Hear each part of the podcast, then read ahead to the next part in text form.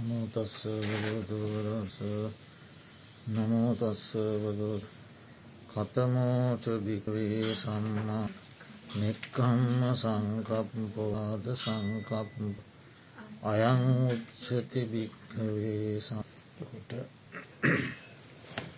මහා සතිපට්ටාන සූ දම්මානු පසට අයත් සච්ච පබ්බෙහි। දුක්ක නිරෝධ ගාමිණි පටිපදා ආර්ය සත්‍යය නම්සෙහි සම්මා සංකප්පය පිළිබඳව සඳහන් වන දේශනාවටය තම ඒ අපි ආතෘකා කළි. ඒ පාටය පුත්‍රපිටකයේ නොඒක් තැන්වල දක්නට ලැබෙන.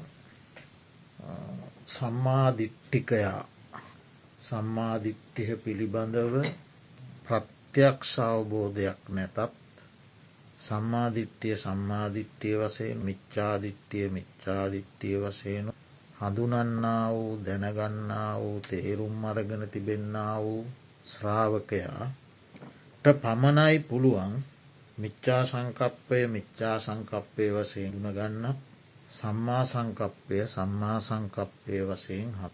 ඒ නිසා ඒ සංකප්පයටත් මුල් වෙනවා පෙරගමංකරු වෙනවා පුරෝගාමී වෙනවා සම්මාධිට්ටිය. ඉතිං ඒ සම්මාධිට්ටියෙන් යුක්ත තැනැත්තා ඒ මිච්චා සංකප්ප සහ සම්මා සංකප්ප වෙන් කරලා හඳුනාගන්ට වුවමනයි.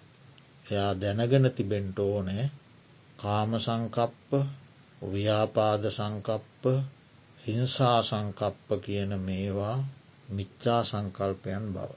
කාම ව්‍යාපාද හිංසා විහිංසා. ඒවා මිච්චා සංකල්ප. එතවට නෙක්කම්මය අව්‍යාපාදය අවිහිංසා. අර මිත්‍යා සංකල්පවලට ප්‍රතිවිරුද්ධ පැත්ත. ඒවා සම්මා සංකප්. කියලා වෙන්කොට හඳුනා ගැනීම වටින. ඊළඟට යා තේරුම් ගන්ටෝනෑ මේ මිච්චා සංකම්පයන් දුක් සහිතයි. දරත සහිතයි. ඒවා සසර ගමනේදී තමන්ට අහිතකර විපාක ගෙන දෙන දේවල්. සසරින් මිදීමට හේතු නොවන දේ උපකාර නොවන දේවල්. ඒ නිසා ඒවා හැකි හැකි හෑම අවස්ථාවක දීම බැහැර කරලන්නට සුදුසුයි. ඉවත් කරන්නට සුදු දුරු කරන්නට සුදු යටපත් කරන්නට සුදු. ඒ නිසා ඒ මිත්‍යා සංකල්පයන් බැහැරකිරීම සඳහා දුරුකිරීම සඳහා මා විසින් නෙක්කම්ම අව්‍යාපාද අවිහිංසා සංකල්පයන් දියුණු කළ යුතුයි ප්‍රගුණ කළ යුතුයි වැඩිය යුතුයි භාවිත කළ යුතුයි කියලා මූලික දැනීමක් තියෙන්ට ඕන්. ආර්යෂ්ඨායක මාර්ගය නම් වූ එකම නිවන් මග වඩනව නම් එයාට දැනීම අවබෝධය තියෙන්ට ඕන්. ඒ වෙන්කොට හඳුනා ගැනීම තුළයා ඉන්ටෝ. ඉතිං ඒ දැනීම තිබුණාට මදි. ඒ දැනීම මූලික පියවර. ඒක එසේමයයි ඔහු පිළිගන්නව නං විශ්වාස කරනවා නං ඒක තමයි ධර්මය පිළිබඳ ඔහු තුළ තියෙන සද්ධාව. එයා විශ්වාස කරන. එයා පිළිගන්න. මොකක්ද පිළිගන්නේ කාම සංකම්පයන් අහිත කරයි දුක් විපාකයි නෙක්කම්ම සංකප්පය හිත කරයි සැප විපාක. ව්‍යාපාද සංකප්පය අහිත කරයි දුක් විපාක සහිතයි අව්‍යාපද සංකප්පය හිත කරයි සැප විපාක සහිතයි නිවන් ගෙන දෙන සංකප්පය. අන්න ඒ විදිහට විහිංසා සංකප්පය අවිහිංසා සංකප්පයත් ඒ විදිහට එයා තේරුම් අර ගැනීම එයාට ඒක මූලික ශද්ධාවක්. එතවට මූලික විශ්වාසය තුළ පිහිටලා එයා නෙක්කම්ම සංකප්පය ප්‍රගුණ කරන්න. කාම සංකප්පය ඉවත් කිරීමත් නෙක්කම්ප සංකප්පය ප්‍රගුණ කිරීමත් කරන්නට ඕනේ. එතකොට මේ මේවට ඇයි සම්මා සංකප්ප කියල කියන්නේ. මිත්‍යා සංකල්පය නසන නිසාත්. නිවන් අරමුණට මනාව තමන්ගේ සිත නංවන නිසා. මිච්චංක සංකල්පයන් නසන නිසාත් නිවන් අරමුණට සිත නංවන නිසාත් මේවා සම්මා සංකප්ප කියන නමින් හැඳින් වෙනවා. එතකොට අපි එකින් එක දැන් සාකච්ඡා කරන්න බලාපොරොත්තුව එක නෙක්කම්ම සංකප්පය. එතකොට නෙක්කම්ම සංකප්ප කියන වචනයට අටුවාචාරීන් වහන්සේලා අර්ථදීල තියෙන්නේ කාමතෝ නිස්සටෝතිී නෙක්කම්ම සංකප්පු. කාමතෝ නිස්සටෝති නෙක්කම්ම සංකප්. ඒ කියන්නේ කාමයන්ගෙන් වෙන්වීමේ කාමයන්ගෙන් නිදහස්වීමේ සිතුවිල්. කාමයන්ගෙන් වෙන්වීමේ නිදහස්වීමේ සිතුවිල්ල තමයි නෙක්කම්මය නෙක්කම්ම අදහස නෙක්කම්ම අදහස. දැන් ඒ නෙක්කම්මේ වඩන්නේ කොහොමද. නෙක්කම්මේ වඩන්නට නම් පළමුුවෙන්ම වෙන්ටෝන දෙයක් තියෙනවා ඒ තමයි කාමයන්ගේ ආදීනවය තේරුම්ගෙන තියෙන්ටෝන. ආදීනව දන්න නැති කෙනෙකුට මිදන්න බෑන. එනිසා එයා පළමුුවෙන් යම් යම් පමණකට කාමයන්ගේ ආදීනව පිළිබඳව වටහා ගත්ත කෙනෙක් වෙන්ට ඕන. තොට බුදුරජාණන් වහන්සේ දේශනා කළා මේ කාමයන්ගේ ආස්වාදයක් තියෙනවා. අත්තිභික්කවේ කාමානං අස්සාදූ. ආස්වාදයක් නැත්තන් සත්වයෝ කාමයන්ගේ ඇලෙන්නේ නෑ ආස්වාදයක් තියෙන්නේ සැලෙන. ඒවගේම මහනෙන මේ කාමයන්ගේ ආදීනවයක්ති. අත්තිභික්කවේ කාමානං ආදීනවෝ. ආදීනවයක් තියෙන නිසා සත්වයෝ කාමයන් කෙරේ කලකිරෙන. ඒවගේම මේ කාමයන්ගේ මිදීයාමක් තියෙන. වෙන්වීමක් තියෙනවා. නිදහස්වීමක් තිය. අත්තිභික්කවේ කාමානන් නිස්සරණෝ. ඉති ඒ නිසා ආදීනෝ දැනගන්නවා. ආස්වාදයක් තියෙන බව දන් දැනගන්ට ඕන ඒ වගේම ආදීනවයක් තියෙන බව දැනගන්ටුව. එතකොට බුදුරජාණන් වහන්සේ දේශනා කළ චූල දුක්කක්කන්ද මහාදුක්කක් හන්ද සූත්‍ර ප්‍රධානව තවත් බොහෝ සූත්‍ර දේශනාවල කාමයන්ගේ ආදීනව තිය දක්කොලා තිය. ඒක මෙලෝ වශයෙන් ආදීනෝ බුදුහාන්දුරු පෙන්නලා තියෙනවා. පරලෝ වශයෙන් ලැබෙන ආදීනෝ පෙන්නලා තියෙන. ඊළඟට සමාජයක දෙපිරසක් වශයෙන් බෙදිලා වෙංවෙලා එකිනකා ඔවුනොවුන් ඇනකොටාගෙන ඔවුනොවුන් අත්පා නැතිව අනේකාකාර වූ දුක්පීඩා විඳින හැටි බුදුරජාණන් වහන්සේ දේශනා කරලා තියෙනවා කාමයන්ගේ ආදීනව කාම හේතු කාම නිදානං කාමාදි කරනං කාමානමේව හේතු අසිචම්මන් ගහිත්වා දනු කලාපන් සන්නහිත්වා උබතෝ විවූල්හං සංගහාමම් පක්කහන්දන්ති. කාමයන් හේතු කොටගෙන කාමයන් නිධාන කොටගෙන කාමයම්ම කරන කොටගෙන කඩුව සහ පලිය අතටගෙන දුන්න සහ ඊතලය අතටගෙන ඔවුන් ඔවුන් දෙපිරසකට බෙදී යුද වැදීම නිසා මරණය හෝ මරණය සමාන දුකකට පත්වෙනවා කියල බුදු හාමුදුරු දේශනා දැඟතින් ලෝකයේ මේ තියනෙ ඔක්කොම කාම හේතු තම යුද්ධ තියෙන ඔක්කොම කාම හේතු. ඒව බුදුහාන්දුර බොහෝ අගේට දේශනා කරලා තියෙන. එතකොට කාමයන් හේතුකොටගෙන මිනිස්සු අව්ව නැතුව වැස්ස නැතිව අව්වට වේලමින් වැස්සට තෙමෙමින් ඔවුනොවුන් දරන්නා වූ වෙහෙස බුදුහාමුදුරුව දේශනා. කාමයන් හේතුකොටගෙන සිල්පායතනොට ගිහිල්ලා ඒ සිල්පායතනෝල පුංචි කාල ඉඳලා ඒවා පව බුදුහාන්දුරුව දේශනා කළ කාමයන් ඊළඟට නොඒක් නොඒ ආකාරයේ ශ්‍රමය වැය කරමින් කැපකරමින් දිවාරාත්‍රී නොබලා වෙහෙසමින් කටයුතු කිරීම මිනිසා කාමයන් හේතුකොට. දස දිසාවට දිවීම මේ ඔය බලාගෙන ඉන්නකොට සැබෑවටම බලන් හිටියොත් ඉතිම ඔය දුවන්නේ කාමයන් හේතුකොටගෙන කියල පේනවා. ඒට දුවනෝ දුවනවා රේරද දසට දුවනු ඒවා ඒ සූත්‍ර විමර්ශනය කරන්නකොට ලස්සන්න බුදුහාන්දුරුව කියල තියෙනවා. කාමයන්ගේ ඔවු. බලන්ඩෝ. ඉති ඒවා ඒ බුදුරජාණන් වහන්සේ දේශනා කරන්න ඒවා අවබෝධයට. නැතකොට ඕ කාමයන්ගේ ආදීනුව දැක්කමන නෙක්කම්ම සංකප්පයන්නේ ආදීනුව මොකත් දන්න ඇති මනුසය අර අරගොඩේ මනින්නේ එයට ආදීනුව පේන්න තේරෙන්නේ විද්‍යාත්මකයිතින් විද්‍යාව මුල් වෙනවනේ. එතෝට ඒ ඒ ඒ දුක්කක් කන්ද සූත්‍ර ඊළඟට කාමයන් හේතුකොටගෙන සිවුරු වෙල්ලෑන හැටි.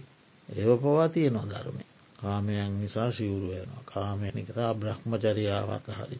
එතකොට කාමයන් නිසා රජවරු රජවරු අතර යුද්ධ බමුණෝ බමුණෝ අතර යුද්ධ ඇතියෙන ගෘහපතියෝ ගෘහපතියෝ අතර බුද් යුද්ධ ඇතිය දෙමවපියෝ දූදරුව අතර යුද්ධ ඇතිය මව පියා අඹු සැමියෝ අතර යුද්ධ අම්මා දරුව අතර යුද්ධ ඇතින පියා දරුව අතර යුද්ධ සහෝදරයෝ සහෝදරයෝ අතර යුද්ධ වෙන සහෝදරයෝ සහෝදරයෝ අතර යුද්ධ ඇතිය ඒ ඔක්කොම බුදුහාන්දුරෝ දේශනා කර රාජානෝපි රාජූහි විවදන්ති. ගහපතීපි ගහපතී හිවිවදන්ති බ්‍රහ්මණාපි බ්‍රහ්මණය හිවිවදන්ති ඊළඟට මාතර මාතාපි පුත්තේන විවදිති. පුත්තේපු මාතනා මාතරා විවදිති. පිතාපි පුත්තේන වියදති පුත්තේන පිතාපි විවදති භාතාපි භාතරා විවදති භාතාපි භගිනයා විවදති සහයෝපි සහයේන විවදති. ඔක්කොම කාමයක් නිසා එහෙම විවාද කරනවා. වාද විවාද හටගෙන ඔවු නොවුන්ට එරෙහි වාසි චම්මන් ගහෙත්ව කඩියසා පලිය අතට අරගෙන. දනු කලාපන්සන්න හිත්වා දුන්නසා ඊතලය අතට අරගෙන. උබතෝ වියූල්හම් දෙපිරසකට බෙදිලා වියූහල්ල ගත වෙන යුද යුදවදින. තේ තප්පි තේ තත්ත මරනම් පිණිගංච එහිදී ඔවුන් මරණයට පත මරනම් පිණිගච්චති. මරණ මරණ මත්තම්පි දුක්කා එම නැත්තම් මරණය සමාන වූ දුකට පැන ඔය හමුදාවලයි අතන කකුල් කාගෙදෝ කාමය වෙනුවෙන් ඒගොල්ලු හිල්ලා ඒගොල්ලො ජීවිතය පැවැත්වීමට රස්සාාවන්න සෙන අනුන්ගේ කාමයන් වෙන ගොල්ලොත් බැන කාමයට ඔක්කොම ගොදුරක් වෙන මං ඒකන කිව්වේ දත් එක මිනිහෙක්ගේ සංකල්පයක් ඇති සමාජයක් කවුල්ලවා. අදාං එහෙම ඒවත් ඒවා ඒව තම කාම ආදීනවා. එතකොට ඒ මෙලෝ වසේ ඊළඟට පරෝල වසයෙන් නිරයේ ආදීන ප්‍රේත ලෝකයේ ආදීන තිරශ්චියන ලෝකයේ ආදීන. ඒ ආදීන ඒවා ඒවත් බුදුහාන්දුරුම ඒ සූත්‍රහරි ලස්සන දුක්කක් කන්ද සූත්‍ර. එතවට සසර ගමනේදී එහෙම අනේකාකාරෝ දුක් විපාක කාමයෙන් නිසා. ඉති එහෙම මේ කාමයන්ගේ කෝම දැනගත්තේ නැතත් තම තමන්ට වැටහෙන වැටහෙන ආකාරයෙන් ඒ කාමයන්ගේ ආදීනුව දැක්කම තමයි නෙක්කම්ම සංකප්පය ප්‍රගුණ කරන්නට අවශ්‍ය කරන පොල්බල උත්තේජනයක් සැපෙන් වීරයක් නෙක්කම්මේ දොට ආං එහෙම ආදීනුව දැකලා ඊට පස්සේ මොකද කරන්න ඕනේ? එතෝට දැම් මේ කාමේ තියෙනවා තව පැති කීපයක්. කාමකිව්වම දේ මේ භික්වේ කාම. කාමයෝ දෙකයි. වස්තුකාම ක්ලේෂකාම තොට ක්ලේෂකාම නෙමේ ඇත්තටම කාමකි. ඒවා කාමයන් ඇතිවීමට හේතු පමණයි.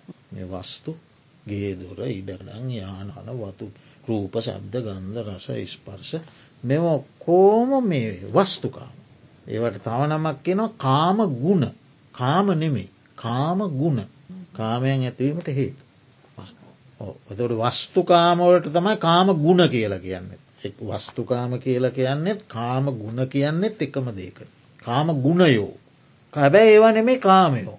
තොට කාම කියලා සැබැවිම්ම කියන්නේ ඒ කාම ගුණයන් කෙරේ හිතේ ඇතිවෙන සංකල්පය. ඒ ඒ වස්තු කාම පිළිබඳව හිතේ ඇතිවෙන චන්දය ආශාව තෘෂ්ණාව බැඳීම ඇලීම කෙලෙස් ඒව තමයි කෙලෙසකා. වස්තුකාම කියන්න මේ අපි එදිනදා ජීවිතය මේ තියෙන දේ ඒව වස්තුකාම. රූප ශබ්ද ගන්ධ රස ස්පර්සගේ දුර ඉඩ කඩයි යානවාන වතු පිටි කුඹුරු පොරවන වස්ත්‍ර කනකර ආභරණ එව වස්තුකාම. හැබැයි සැබෑකාමය කියන්නේ ඒව නෙමේ. ඒවට තියෙන ඇල්ම. ඒකට තියෙන තෘෂ්ණා. ඒකට තියෙන බැඳීම. ඒකට තියෙන ආශාව. ඒක තමයි සැබෑකාමය. ඔතකොට අන්න ඒක තමයි කියන්නේ කාම චන්ද කාම ඕග කාම යෝග කාම නන්දි කාම තෘෂ්ණා චන්දරාග කාමච්චන්ද කාමච්චන්ද කාමච්චන්ද කාම නන්දි කාම තෘෂ්ණා කාම ඕග කාම යෝග කාම රාග පරියුට්ටාන අන්න ඒ විවිධ නම්වලින් හඳුන්වන කාම උපාදාන කාම ආශව ඒ විවිධ නම්වලින් හඳුන්වන්නේ මානසික ස්වභාව. ඒවා කෙරෙහි මනසින් ඇති කරගන්න අස්වභාව. ඒක තම සැබෑකාමේ. එතවට ගලවලා ඕන මෙන්න මේක. හිතෙන් කාමයන් පිළිබඳව හිතේ ඒ වස්තු කාමයන් පිළිබඳව හිතේ සංකල්පය මේ වශයෙන් ඇතිවෙන බැඳීම. ඒකයි නතර කර. එනත කාමයන් දුරු කිරීම කියලා කියන්නේ වස්තුකාම දුරු කිරීම නම් හෙළුවෙන් හිට පොමහරි. මොකක් වන්නතුව නිගන්ටය හරිහෙන. ඒවා ඒවා හැමවෙලාම් පවතිනවන ඒවා ලෝකයේ පවතින අපි තමා ඒවයෙන් අල්ල අපි ඇල්මක් ඒව කරේ ඇති කර ඒ ඇල්ම ඇති කරගන්නට ඒවා හේතු වෙනවා තමා. නමුත් ප්‍රශ්න තියෙන්නේ මේක ඒවා කෙරේ ඇතිවෙන ඒකයි බුදු හාමුදුරුව දේශනා කළේ සංකප්ප රාගෝ පුරිසස්සකාම මේ පුරුෂයාට කාමය නං කියල කියන්නේ සංකප්පරාගයයි ඒ වස්තු කෙරෙහි ඇති කරගන්නාව සංකල්පමේ රාගේ හරිද තොට සංකල්ප මේ රාගේ අයිංකරපු කෙනාට ලෝකයේ කොතන දැන් ඉති ජේතවනාරාමය කියල කියන්නේ තන කොළොහපු තැනන්නෙමේ සැවත්නුව පනස් සතර කෝටියක් වියදන් කරන්න ගොඩ නැගිලිවලට විතර නේද? ගොඩ නැගිලිවල විතර පනස් සතරකෝට තොට මොනතරං අලංකාර ගොඩ නැගිලි සමූය දිති ඒව හැටිය රහතන් වහන්සේලා. එතකොට හාමුදුරන්නේ ඉති රහතන් වහන්සේලාට ඒ වගේ හිතේ බැඳීම එතකොට හාමුදුරන්නේ හැමදාම නෑ නෑ. දැන් රජ රජ පවුල් වෙලායිනි දානී වැඩිපුරම. බෞද්ධම ඉස්තරම්ම දාන. ප්‍රනීතම දානය පූජ කළ. ඒ නිසා ප්‍රශ්න තියෙන සංකල්පයයි. සංකල්පය ප්‍රශ්න. එහෙම නැත්තං මේ ආහාරත් කාම වස්තුවක්. හරි? එතෝට කාමය දුරු කරන්න කියලා කියන්නේ ආහාර දුරු කිරීම නම් ලෝකයේ හිටපු හොඳම රහතන් වහන්සේ චම්බුකා ජම්බුකාජීවක ජම්බුකාජීවක තනිකකුලින් හිටගෙන හිති එය මිනිසු දානගෙනම් පස්සේ තනකොළ ගහක්න ඔබන්නේ ඇය මිනිසුන්ට පින්සිද්ධ වෙන්ඩ මිනිහ කන්නෑ කෑම කන්නෑ ආහාරිති මිනිසුට ආරංචියන රහතන් වහන්සේනමක් ඉන්නවා කන්දක එයා ඉන්න තනිකකුලෙන් කියල්. මිනිසු යනවා බලන්ඩ බලන්ඩ ගියම් මෙයා ඉන්න තනිකකුලෙන් හිටන කට ඇරගෙන ඉන්නේ. ඉට පස්සේ ඉතින් ගිහිල්ල මිනිසු වඳනවා. වැඳලා ආනුවයි තනිකොකුලෙන් හිටගෙන ඉන්නේ. කකුල් දෙකෙන්ම හිටගත්තොත් කකුල් දෙකම පොළොවට තිබ්බොත් මගේ ගුණ මේ පොළොවට උහුලන්ට බෑකි. මගේ තියෙන ගුණ මේ මහපොළොවට උහුලන්න බෑ. ඒ නිසා තමයි මේ පොළොව බේරන්ඩ ඕන්න හොන මන්තානිකකුලින් ඉන්න. ඒක තමයි ඉති ඊට පස ඔබවහන්සේ ඉති ඔබවහන්සේ මිනිසු හිතන විදිහ නති ඔබවහන්සේට දානි. මම ආහාර ගන්නෑ. මම වායුව තමයි මගේ ආහාරය. හට ඇරගෙන ඉන්න ටසිති මිනිසු අනේ අපිට ඔබවහන්සේට දානයක් දීර පිනක් කරගන්න දැ මිනිසු හිතන්නේ අරහතන් වහන්ස. අපිට පිනක් කරගන්න ඕන කිව්වම මිනිසුන්ට අවස්ථාවක් දෙන්නට ඔන්න නිසා දානය හදන් එඩකින් ඇවිල්ල ඉති මිනිසු දානය අරංගෙනවා ආමර තනකොළ ගහක බඩයක් කරගෙන ඒක මෙම ආහාරට ඔබනවා ඔබල බඩේ වදින ආහාර කොටස තියෙනන ඒක මෙම කටට දාලා හොම උරනවා. ආදැන් බලට පින් සිද්ධ වෙන පලයල්ලකි සෝදු කියල මිනිසු යන ඒක තම ඇගේ ආහාරය. හරිද? ඉති පස්සෙයා වෙන ආහාරයක් ගත්තා. ඒ පස්සෙ ගත්තේ යා පසේ බුදුරජාණන් වහන්සේ නමකට නින්දා කරලා කර්ම විපාකයක් ගෙවී පසේ බුදුරජාණන් වහන්සේ නම පිණ්ඩ පාත යනකොට මෙයා කියල තියෙන ඔය ඇඟ වහගෙන අනුන්ගෙන් ඉල්ලගෙන කන වෙලා අසූචිකණ්ඩි. එයාර මිනිසු ඔක්කොම ගියම් පස්සේ මිනිසු අසූචි කරන තැන්වලට ගිල්ල වියලියව ආහාරයට ගන්න. ඒක තමයි විපාකේ. නමුත් එයාට රැවටුනා මිනිසු ති රහතන් වහන්සේ නමක්කේ. පස්සේ ඉතින් බුදුරජාණන් වහන්සේ දැක්කම එයාට වාසනා සම්පත් තිබුණ බව. බුදු හාමුදුරතෙන්ට වැඩම කල්ල මෙයා දම් දමනය කළා. ඒ පත්තටම පස්සෙ රහත් වුණ. එතවට දැන් ආහාරයක් හිතේ සංකල්ප ඇති කරන කාමයක් වස්තුවක්. හරිද? එතකොට කාමය දුරු කරන්න කියලා කියන්නේ වස්තු දුරු කිරීම නම් හොඳම කාමය දුරු කරපු කෙනතම ජම්බුකාජීව කෑවෙනෑ නේද?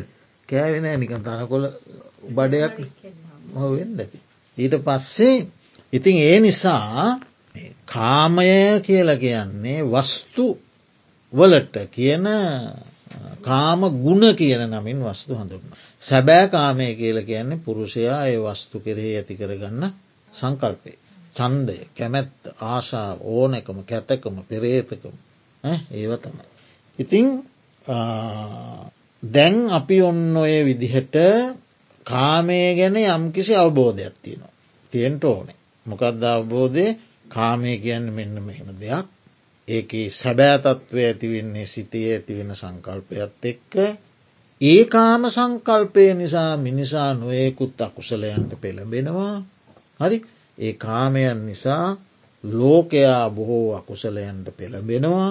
ලෝකයේ තුළ යුද්ධ ගැටුම් ආරවුල් සියල්ලම ඇතිවෙන්නේ මේ කාමය මත පදනම්වයි මිනිසා අකුසලයට නැබුරු කරන ස්වභාවයකුත් මේ කාමය තුළ තියෙනවා.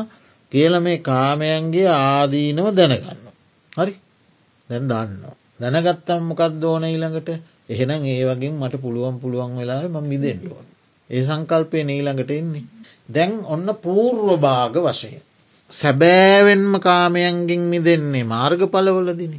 ඒක පරම එහෙම ලබන්න පුළුවන්නම් හොඳයි. එහෙම බැරි නිසා පූර්ව භාග ප්‍රතිපදාවේදී කාමයන්ගෙන් මිදෙන්ට මොකද කරන්න. දැන් ඔන්න මේ ශ්‍රාවකයට සම්මාධිට්්‍යය තියෙනවා. එයා කාමයන්ගේ ආදීනවත් දන්න. ඒ වගේ ඇතිවෙන විපාකත් දන්න. ඒවැන් මිදෙන්ට ඕනෑ කියලත් දැන් දන්න. දැ ඉතින් මොකද කරන්න ඕන මිදෙන්ට. මිදීමේ මොකද මිදෙන්ට මොකද කරන්න. පූර්ව භාග වශයෙන් ගැන මුල් අවස්ථාවේ. කාමයන් ඔහු දැන් ආදීනුව යම් යම් මට්ටමකින් දන්නවා බනාහලා ධර්මය හලා ධර්මය තුළින් පොතපත කියවලා මේවා මේ විදිහමා නිස්සාර්දය මේ විපාක සහිතයි. අපි ජීවත්වෙන්ට ඕන නිසා මේවා කරනවා තමා. නමුත් අපි යම් දිනක මේවැන් මිදෙන්ට ඕන නිදහස්වෙන්ඩ ඕනේ අපිට විමුක්තියක් තියෙන්ට ඕන. ආව් ආන්න ඒ විදිහට දැන් ඔන්න පූර්වභාගයේ මේ දැනුමත් එක්ක දැම් මේක දැන් මෙයා ගලපගන්න ජීවිතය. අපි මේ මිදෙන්ඩ ඕනේ එක තුනාම කතා කරනවා. අපි බලනවකු දැන් අපේ මෙච්චර වයස්කත ඉති මෙච්චර හරිහම්ම මෙච්චර දේවල් කලා. ඉතින් දැන් අපි මේවෙන් ටිකක් නිදහස් වෙන්ඩ ඕන නේද. කියලා තමා තමන්ගෙන් විමසනවා.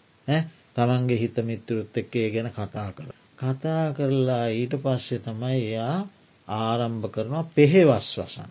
දැන් එයා දන්නවා ගිහි ගෙදර මේ සියලූම කරදරත් එක්ක මුළුමනින්ම කාමයෙන් මිදෙන්ට බෑ.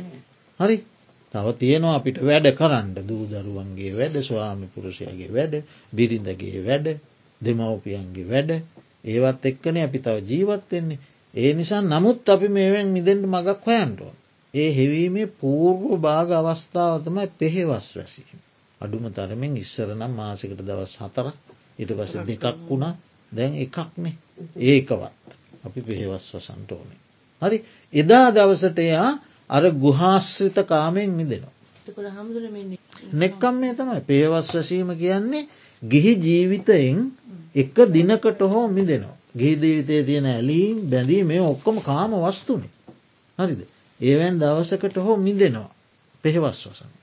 පුළුවන්න දවසකුත් රාත්‍රියක්ම ගත කරන්න පුළුවන්න හොඳයි. ඒකත් දැන් ඉතින් කෙටිවිවී කෙටිවිවී ගිහිල්ල තියෙන්නේ දැන් පෑකීය දත පෙහෙවස් වසන්නේ.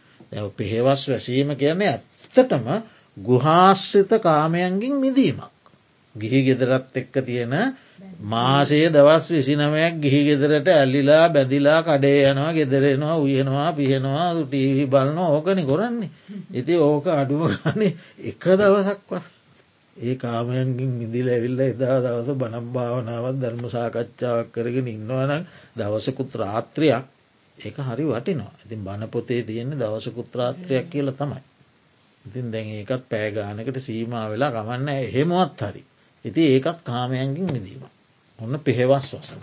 ඊළඟට ඒ පෙහෙවස් වසලා බණදහම්මානවා ධර්ම සාකච්ඡා කරනවා ප්‍රධාන වශයෙන් භාවනාව. හරි කාමයන්ගින් මිදෙන්ට ප්‍රධාන වශයෙන් කාමච්චන්ද නීවරණයක්නේ එයින් මිදෙන්ට ප්‍රධාන වෙනවා සමත භාවනාවෙන් නීවරණයන් යටපත් කරගේ. විශේෂයෙන් කාමච්චන්දයට ප්‍රතිපක්ෂ භාවනාවන අසුබයි. කාමච්චන්දයට ප්‍රතිපක්ෂ භාවනාව අසුබයි. නමුත් අනිත් හෑම භාවනාවකින්ම උපචාර අර්පනා සමාධි මට්ටමට එනකොට කාමච්චන්දය යට වෙනවා. අරක ප්‍රධාන වශයෙන් අසුබේ කියල තිබ්බට අනිත්තේවාගෙන් කාමච්චන්දය මැඩලන්ට බෑ කියල කොතනකොත් නෑ. හරි අනිත් ඕනෑම භාවනාවකින් සමාධයක් උපදනවත් එක්කම කාමච්චන්දය යට පත්වෙනවා. නමුත් අතන ප්‍රධානයි. ඉතින් ඒ විදිහට භාවනා කර්මස්ථානයක් ප්‍රගුණ කරලා උපචාර සමාධිය තුළින් අර්පනා සමාධි තුළින් කාමච්චන්දයන් මැඩලන යටපත් කරන. ආන්න ඒවා තමයි ප්‍රතිපදා. පෙහෙවස් වසනවා බඹසර රකිනවා. එතකොට පැවිදි බඹසර ගිහි බඹසර කියල දෙකක් තියෙනවා බ්‍රහ්මචාරී පැවිදි ජීවිතයේ බ්‍රහ්මචරියාවත් තියෙනවා ගිහි ජීවිතයේ බ්‍රහ්මචරියාව. එතවට ගිහි ජීවිතයේ බ්‍රහ්මචරියාව තමයි ඒ පෙහෙවස් වසන දවසට හෝ දවස් හතරට හෝ දවස් දෙකට හෝ පූර්ණ වසයෙන් බ්‍රහ්මචාරි වෙන ඇ දිනවල. අනිත් දිනවලදී ගෘහස්ත ජීවිතයට සාධාරණ බ්‍රහ්මචරියාව පවත්ත. එතවට ඊළඟට අන්න ඒ ක්‍රමේ තමයි. පෙහෙවස් වසනවා සමත භාවනාතියක් කරලා මේ කාමච්චන්ද නීවරණය යටපත් කර. මැඩල්ලනවා. දැ මැඩලුවාට සම්පූර්ණයෙන් ඉවත් වෙලාද අනුසේ වශයෙන් තියෙන. යටපත් වෙලා තියෙන. අවශ්‍ය ඕනෑම අවස්ථාවක අරමුණක් දිරියක මතුවීම ඉඩකඩක් තියෙන. ඒවන ඉවත් කිරීමට මොකක්ද කරන්න ඕන මුළුමනින් ඉවත් කරන්න. පේවස් වසීමෙන් තදංග වසයෙන් ප්‍රහාණය කළා. සමාධි දිහාන මගින් වික්කම්බන වසයෙන් ප්‍රහාණය කළ යටපත් කළා. ගිහිගෙන් නික්මීම ගිහිගෙන් නික්මීමත් කාමයෙන් නික්මීමක් තමයි ඒ නික්මීම මුළුමනින් පැවිදි ජීවිතයට පැමිණි. පැවිජි ජීවිතයට මුළුමනින් පැමිණියා කියලා කාමච්චන්දය නැති වෙන්නේ. ගිහි වුනත් පැවිදි වුනත් කාමච්චන්දය නැති කිරීමට තියෙන එක මාර්ගය. ගිහියාටත් ඒ මාර්ගගේ පැවිද්දාටත් ඒ මාර්ගගේ මාර්ග දෙකක් නෑ. ඔව ඒව නැති කිරීම තම නැති කරන්න මොකද කරන්න ඕන. දැන් පෙහෙවස් වැසීම් ආදියෙන් තදංග ප්‍රහාණය කළා. ඒ ඒ මොහොතට ගිහි ජීවිතය අතහැරලා ගිහි ජීවිතය ඇලීම් බැදීම අතහැරලා ඒ මොහොතේදි තදංග ප්‍රහාණයක් කළා. ඊළඟට සමත භාවනාවක් කරලා කාමච්චන්දය යටපත් කළා. මැඩලුවා. මැඩලුවා යටපත් කලා කියන්නේ දැන් කාමච්චන්දේ මුළුමනින් නැති වෙලා නෙවෙයි. යටපත්ම තියෙනවා. ඉතින් දැන් දැන්ගේ සම්පූර්ණ නැති කරන්න මොකක්ද කරන්න. මොකක්ද කරගෙන යන්න. හරි නීවර නැති කරන්න තමයි මොකක්ද කරන්න ඕන. ඕ භාවනා තමා. දැම් භාවනාවෙන් ඇයි දැන් අපි මෙතෙක් මේ තේරෙන් නැද්ද දැන් කතා කරේ ගිහිගෙන්නෙක් වුණා සමත භාවනාවක් කළා නීවරණ යටපත් කළා සමත භාවනාවෙන් ඔබබ සර රැක්කා සමත භාවනා කළා නීවරණ යටපත් කළ. ඉට පස්සේ. ඇයි විදර්ශනා කියල එකක් අහන භාවනා කරේ සමත භාවනා. සති සම්පජන්යෙන් ඉන්න ඕන කියලන කිව්වේ. සති සම්පජන්යෙන් ඉන්නවා කියන එක ඒක වෙනම කතාව. විදර්ශනා. භාවනාව කරන්න.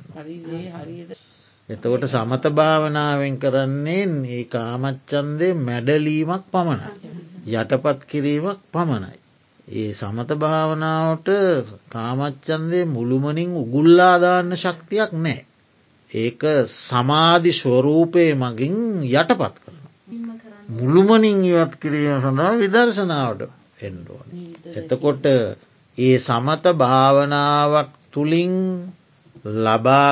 ලබාගත්තා වූ සමාධි ස්වභාවය පාදක කරගෙන උපකාර කරගෙන මේ නාමරූප සම්මර්ශනය කර. මමය මගේය මගේ ආත්මය වශයෙන් අපි සලකන්නා වූ මේ ස්වභාවය නාමරූප වශයෙන් බෙදා සම්මර්ශනය කරන්න. මෙනෙහි කරන්නට බලන්ඩෝන සලකා බලන්ඩෝන. ඒ වගේ ඇත්ති තතු සොයන්ට ඕනේ. ඒ වගේ සැබෑ ස්වරූපය සොයන්ට ඕන සැබෑ ස්වරූපය පරීක්ෂා කරන්න ඕනේ. හරි ඒ විදියට විදර්ශනා භාවනාව පැත්තර නැබුරු වෙන්න ඕන. නැබුරු වෙලා චිත්ත චෛතසික රූප වශයෙන් හෝ රූපවේදනා සංඥා සංකාර විඤ්ඥාන වශයෙන් හෝ එහෙම නැත්තං ඇසකණනාසේ දිවකය මනස වශයෙන් හෝ එහෙම නැස්සන් නාම රූප වශයෙන් හෝ එහෙම නැස්සං අටලොස් ධාතු වශයෙන් හෝ ඒවා බෙදාගෙන ඒවාගේ නිත්‍ය නොන ස්වභාවය නිරන්තරයෙන් වෙනස් වන ස්වභාවය ෂනිකව ඇතිව නැතිවෙන ස්වභාවය ඒ දැකීමේ විදර්ශනා භාවනාව පැත්තට නැබුරුවෙන්ටුව. නැබුරු වෙලා ඒ විමර්ශනය කරන්නට. ඒ කරනකොට තමයි ක්‍රමාණුකූලෝ විදර්ශනාඥාන මොහොකුරා ගිල්ල සීල සමාධි ප්‍රඥාත්‍රි විද ශික්ෂාවම දිමිවෙලා විදර්ශනාඥාන කෙලවර සෝවාන් මාර්ගඥානයට පත්වෙන. එතකොට සෝවාන් මාර්ගඥානයේදී වෙන්නේ කාමච්චන්දය මුළුමනින්ම නැතිවුණේ නෑ. නමුත් අපායගාමී ස්වරූපය නැතිවුණ. එයා කාමය හේතුකොටගෙන නැවත සසරේ කිසිම දවසක. අපායගාමය කුසලයක් කරන්න. කාමයන් හේතුකොටගෙන අපායේ උපදින්ට හේතුවන කුසලයක් කරන ශක්තිය මැඩලුව. සෝවාන්වීමෙන් කෙරෙන්නේ එකයි. අපායගාමය අකුසල් මැඩලුව. දොර සක්කාය දිට්ටි ඒ විචිකිච්චා සීලබ්බත පරාමාස සංයෝජන ප්‍රහාණය වෙනවා අපායගාමී සියලූම කුසල් එතන ප්‍රහාණය.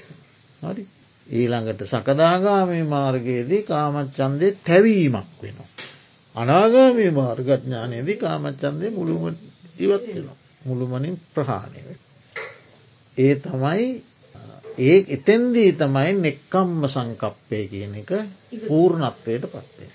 ඒ එතැන්ට එන්න තෙක් නෙක්කම්ම සංකප්පය ක්‍රමිකෝ වඩන්ඩුවන. හරි? කාමයන්ගේ ආදීනෝ දකිින්ඩ ඕනේ. පූර්ව භාග ප්‍රතිපදාවට එන්ඩෝනේ පෙහෙවස්ව සන්ටෝනේ බඹසර රකිින්ඩෝනේ සමත භාවනා රන්ඩෝනේ විදර්ශනා භාවනාව. ඒ තුළින් තමයි නෙක්කම්ම සංකල්පය මුළුමනින්ම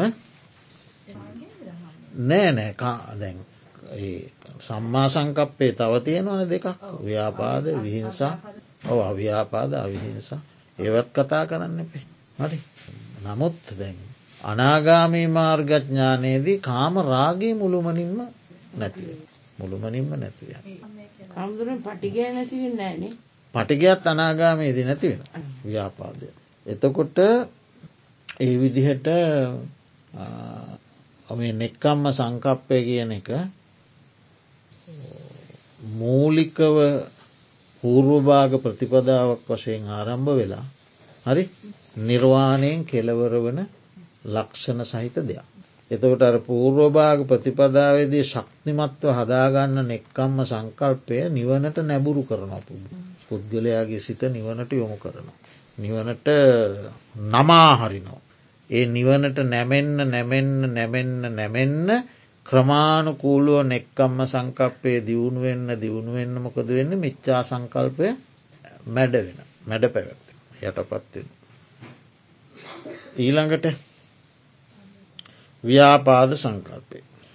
කොහොමද අටුවාවෙ දක්වන්නේ. ව්‍යාපාදතෝ නිස්සටෝති අව්‍යාපාද සංකප්ප. ව්‍යාපාදතෝ නිස්සටෝති අව්‍යාපාද සංකප. ඒ කියන්නේ ව්‍යාපාදයෙන් වෙන්වීම නිදහස්වීම පිළිබඳව ඇතිවෙන සංකල්පනාව. ව්‍යාපාදයෙන් වෙන්වීමේ ව්‍යාපාදයෙන් නිදහස්වීමේ පිළිබඳව ඇතිවෙන සංකල්පය නැත්තන් තාවිදියකුට කිව්වොත් ව්‍යාපාදය නසනා සිතුවිල්ල. ඉස්සල්ල ව්‍යාපාද කියන එක තේරුම් ගන්නක මොද ව්‍යාපාද කිය. ව්‍යාපාද මොකද ව්‍යාපාද කියන. එකට එක කිරීම ගැන සාරම්භ කියලා. නීවරණවලද ඉගෙන ගත්ත නැද්ද? ඔව මතක නෑන කියන්න. මතක නෑ. කාමච්චන්ද ව්‍යාපාද දීන මිද උද්දච්ච කොක්කුච්ච විචිකිච්චා කියලා මං කී කොච්චර කියල දීල. ඒක දවේශයේම තා පිළුණු වූ අවස්ථාව.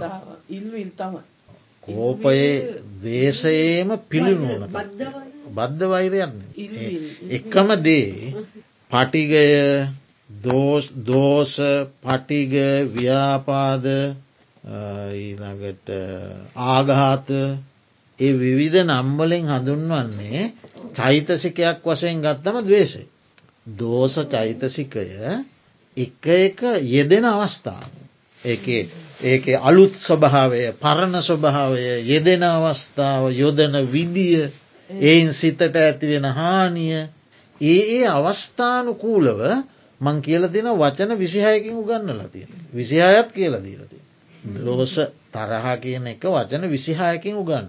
ඒ විසිහායකට කඩල තියෙන්නේ එකම චෛතසි එකම දේ එකම දේ ඒ හිතට බලපාන එයින් හිත නරක් වෙන ප්‍රමාණය හාමුදුන ගැන එක එක අවස්ථාවද හිතෙන් එක එක විදිහට තමයි ඒ ව්‍යාපාදය එලියට එන්නේ නෑ ඒක ඒක හටගෙන තිබූ කාලය ඒකෙන් ඒ පුද්ගලයාට වෙලා තියෙන හානිය වෙන්ඩ තියෙන හානිය හරි ඊළඟට ඒක හෝ ක්‍රියාත්මක කරන විදිිය. ඔය ආදී ගතිලක්ෂණ අනුව එකට වෙනත් වෙනත් නම් තියෙනවා. කිප්පෙනවා එක පාට කිපෙනවා. ඔව තරහ කිය නැත්තම් කෝපය කියල කිපෙනවා. ඊළඟට ඒ කිපීම තරහක් ලෙස හානියක් කරන්න ස්වභාවයට යනකොට දෝස කියලකින දවේශය හරි? හරිද? තද වෛර කියන්න එකට කියන්නේ උපනාහ. බද්ධ වෛර. දවේශයටම කියන දවේශයම වැඩි අවස්ථාව. උපනාහ තද වෛරය බද්ධ වෛරය. හරි? තොට වේර කියල කියන වෛරය. එතවට තද නෑ. නමුත් වේරයක් තියෙනවා. බද්ධ වෛරය ගැන උපනාහ. පද්දිම්ම බැදිලා උපනාහ. පටිගය කියල කියන්නේ ගැටෙන බව. ඒක නෑ මනසේ ගැටීම ඇති වෙන සු. ඒකත් දෝෂය තමයි. හිත නරක්වීමෙන්නේ ගැටෙන්. හිතේ ඇතිවෙන ගට්ටන් ගට්ටන ස්වභා. නුරුස්සන ගතිය.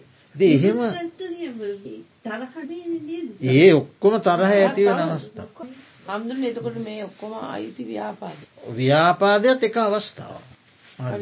කුජ්ජනා කුජ්ජන කෝදෝ කුජ්ජනා කෝපය කෝප කරන බව කෝප කරන ස්වභාවය හරි ඔව ඒක තම එක පිටතට ද ඇතුළ ඇතිවෙන ස්වභාවය පිටතට දානවා. ඉති ඒ නම් නම් තියෙන්නේ ඒ වෙනස් වෙනස් ස්වභාවයන් හඳුන්වන්න.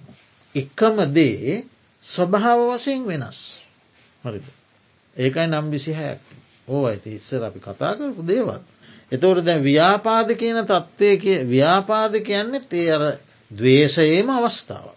දවේශයේම අවස්ථාව. හරි ඒක අවස්ථාව. නමුත් මේක වෙන ශක්තිය. දේශයේම තමයි නමුත් වෙන ශක්තිය. මොකක්ද වෙනස දැන් කැවුම් ගෙඩියක්. කැවුම් ගෙඩියක් හදපු අවස්ථාවේ හරි සුවඳයි හොඳ පෙනුමයි ප්‍රියයි මනාපයි. එතකොට පරණ වෙලා කුණූ නැම් පස්සේ ඒ කැවුම් ගෙඩිය සුවඳ නෑ ප්‍රසන්න නෑ. ඒකේ තියෙන අර මිහිරි ස්වභාවේ නෑ. එතකොට අපි ආහාර බඳුනක් අනුභව කරන්න බෙදාගන්නකොට ඒ ආහාර බඳුන බොහොම රියයි බොහොම සුවදයි පෙනුම බොහොම ප්‍රසන්නයි. ඉතින් අපි පස්සෙ කනවා කියලා ඔය ආහාර බඳුන වහල තිබ්බ කියමකු නැත්තං අර හදපු කැවුන් ගෙඩිය පැත්තකින් තියල තිබ පස්සෙ කනවා කියලා.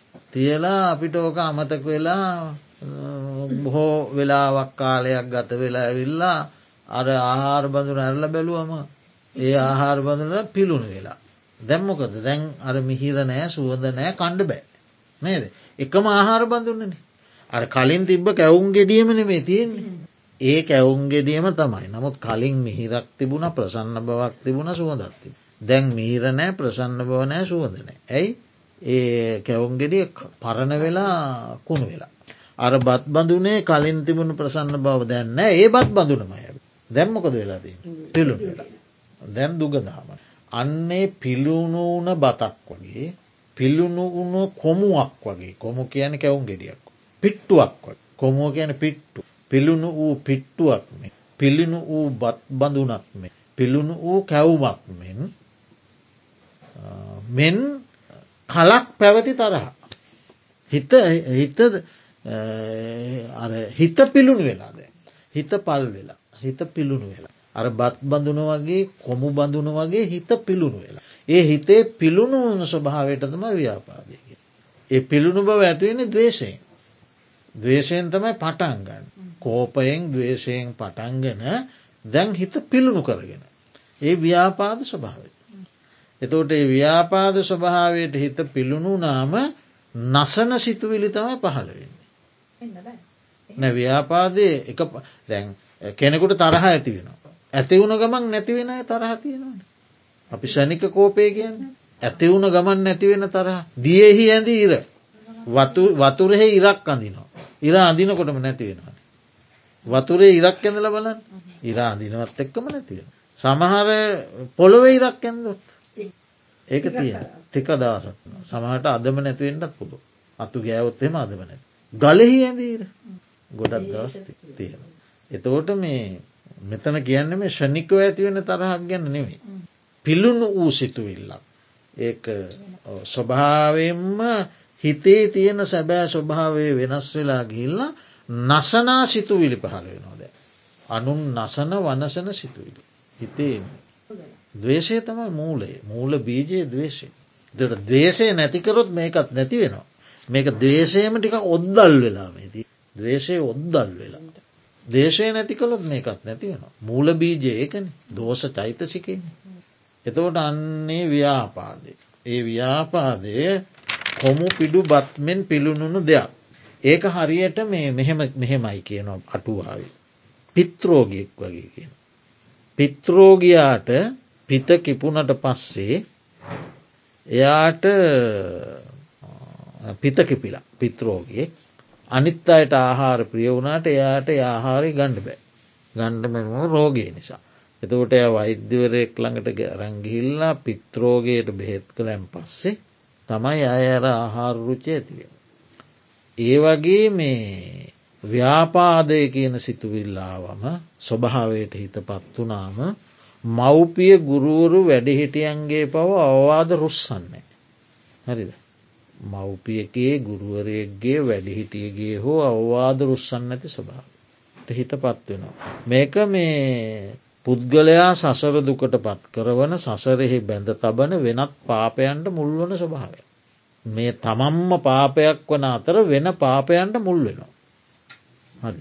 ඒ නිසා මේක අපි හිත කලබල කරගන්න ඔන්න මේක වෙනස් වෙනස් එකක් නෙමේ මේක දවේශයේම තත්ත්වයක්.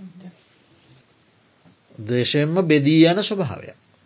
දේශය කියලා හිතාගෙන මතක තියාගෙන හිටියත් නරක නෑ මේක මතකතිය ඔව් ඉතින් මේ ඒක බුදුහාමුදුරුව එක් එක් අවස්ථාවල එක් එක් ස්වභාවෙන් දේශනා කළ සමහර අවස්ථාව දේශනා කර දෝස කියන්න. දුට්ටෝකෝ ආවුසෝ දෝසේන අභිභූතෝ පරියාදින්න චිත්තෝ පානම්පි හන්ති අදින්නම්පි ආදියති පරදාරම්පි ගච්චති මුසාපි භනති පරම්පි තතත්තාය සමාන්ති.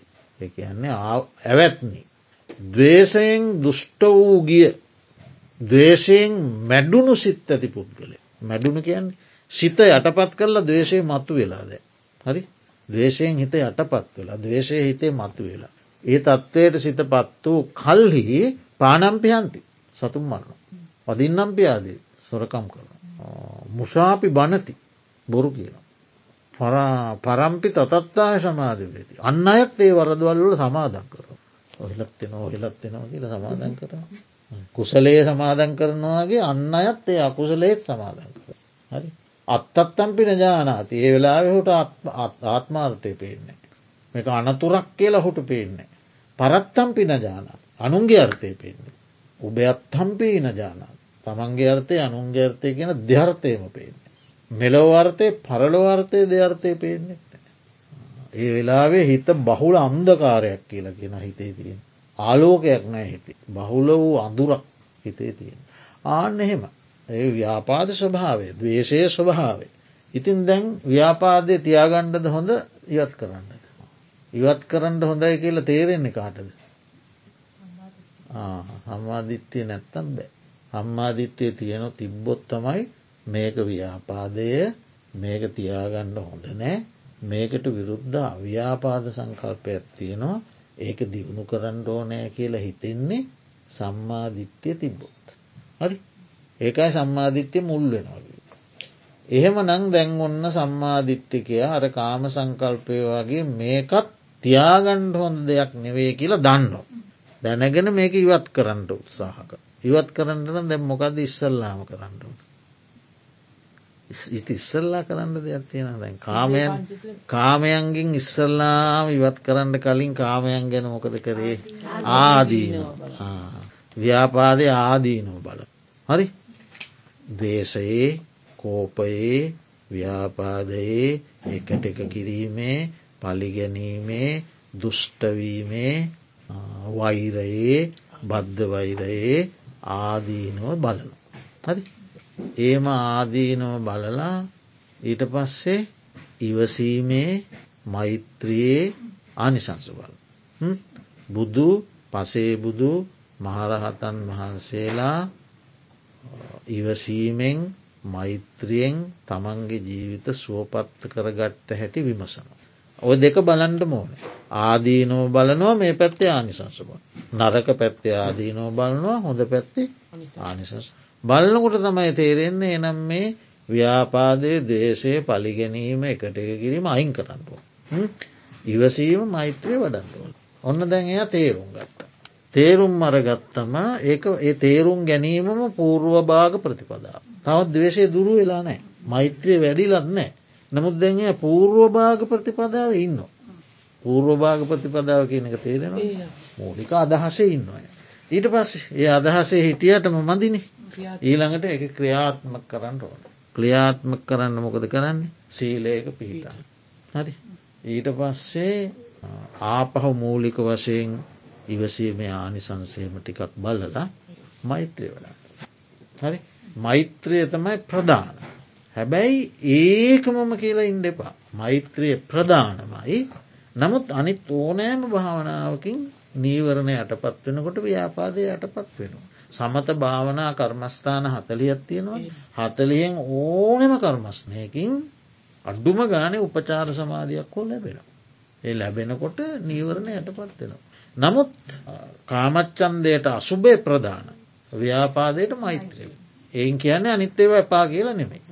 එතකොට අන්න දැන් සීලේක පිහිටිය ආදීනෝ බැලවා ආනිසංස බැලවා මෛත්‍රය වැඩුව. වඩනකොට මෛත්‍රයෙන් පුළුවන් දිහාන අභිධර්ම ක්‍රමයට හතරක් උපදවන්න පුළුවන් ඊළඟට අනිත් ක්‍රමයට තුනක් උපදවන්න පුළුවන්. එතවටේ මෛත්‍රී දිහාන උපදවා ගත්තැන් පස්සේ දැම්මොකදගෙන්නේ නීවරණ යටපත්. තැන් ව්‍යාපාදය යටපත්. යටපත් වෙලා කියන්න ව්‍යාපාදය නැති වෙලාද අනුශ්‍රේ වශයෙන් තියෙනවතා. හැබැයි යටපත්වල වික්කම්බන ප්‍රහා ඔන්න දැ මෛත්‍රියෙන් ව්‍යාපාදය වික්කම්බනය කළා. ඔබ්බල තිබ්බ ඔබ්බල යට කරලා තිබ හැබැ ඇතුළේ ඉන්න.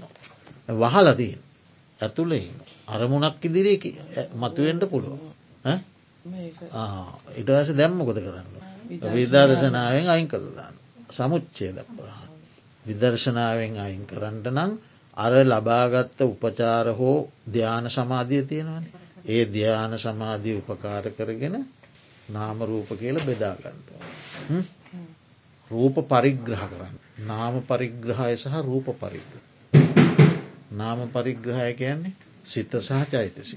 රූප පරිග්‍රහ කියලා කියන්නේ බෞතික සරි. මේක පටව්‍යාපෝතය ජෝය සමාධාතුන් සහද ධාතුූන් නිසා පවත්නා උපාදාය රූපයන් විසිහතරෙන් පවත්නා උද්දයක් මේක මවපියන්ගේ ශුක්‍රසෝනීන් ඇත්ත දෙයක්.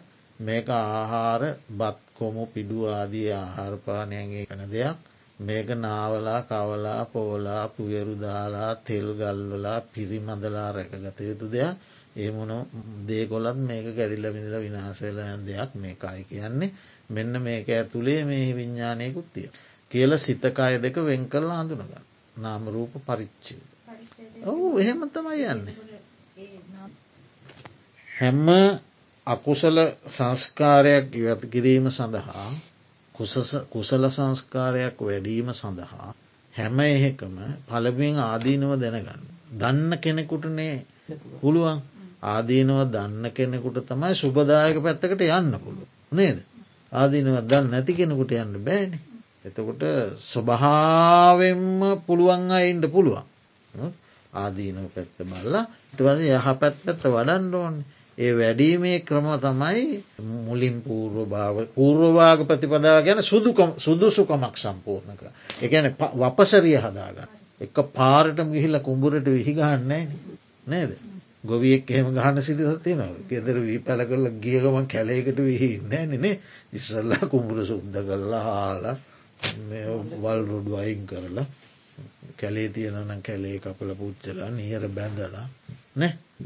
එලියත් ආරක්ෂාවට වතුර හිටින්ටන නියරබඳ නීර බැඳලා ඊට පසි වතුර ගලාගෙනයන්ට කානු කපලා ඒවනි ගොවිතැන්ට පූර්ව සුදුසුකා ඉති ඒ වගේ අර පූර්ව භාග සුදුසුකම් ටික සපුරාගෙන ඉළඟට සමත භාවනාවකින් නීවරණ යටපත් කර.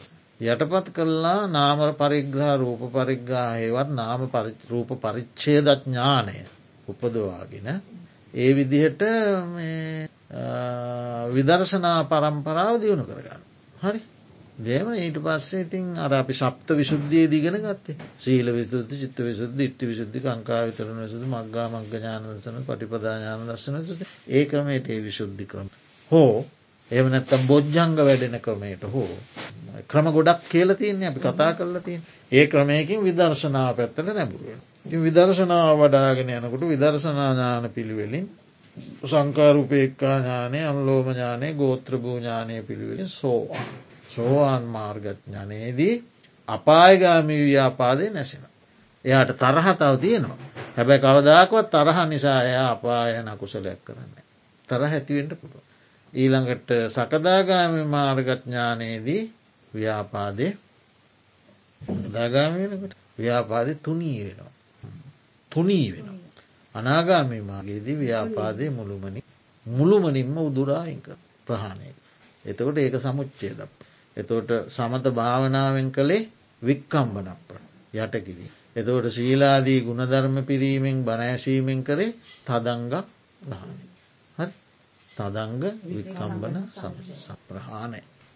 එතෝට ඒ උපත්ති හේතුත් එක්කම නැසිරෙන. ව්‍යාපාදය නැසනවත් එක්කම ව්‍යාපාදය උපදින්ඩයම් හේතුවක් තියෙනවා. හේතුවත් නැසිර. කාමච්චන්දය අනාගාමි මාර්ගයෙන් නැසෙනකොට කාමච්චන්දය විතරන්න නෙමේ නැසෙන්නේ.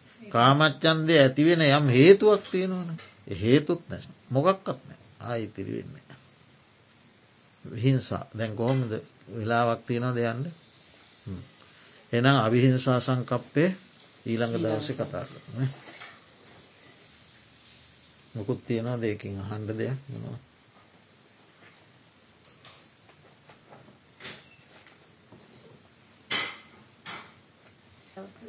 දැන් මේ කම්ප සංකල්පය ගැන කියනකොට අර ඒක දැන්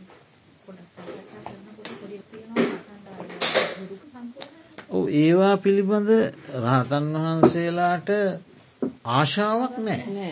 රාතන් වහන්සේ දානය වලදනවා. රාතන් වහන්සේට රූපත් පේනවා. රාතන් වහන්සේ හොම බැලුවත් පේෙන් ඇතුව තියද? වාහනය නෝ පේනවා. උතනින් මිනිසු ගියොත් ඒත් පේනවා. රහතන් වහන්සේගේ නැස් පේෙන් නැති කෙරෙන්න පේන ඒ ඇල්මක් නෑ එහෙම නෑද රහතන් වහන්සේට සීතල ඇගේ වදිනවා. උණුසුමත් ඇගේ වදිනවා. සීතලත් දැනෙනවා. උණුසුමත් දැනෙනවා. බුදුහාන්දුරන්ටත් දැනුණා. බුදුහාන්දුරන්ට බඩගින්න දැනුන පිපාසය දැනුන පිපාසය කියලා කිව්ව මට වතුර ගේන්ඩ කිව්ව. සීතල දැනුන නිසා සිවුරු තුනක් පෙරෙව්වා.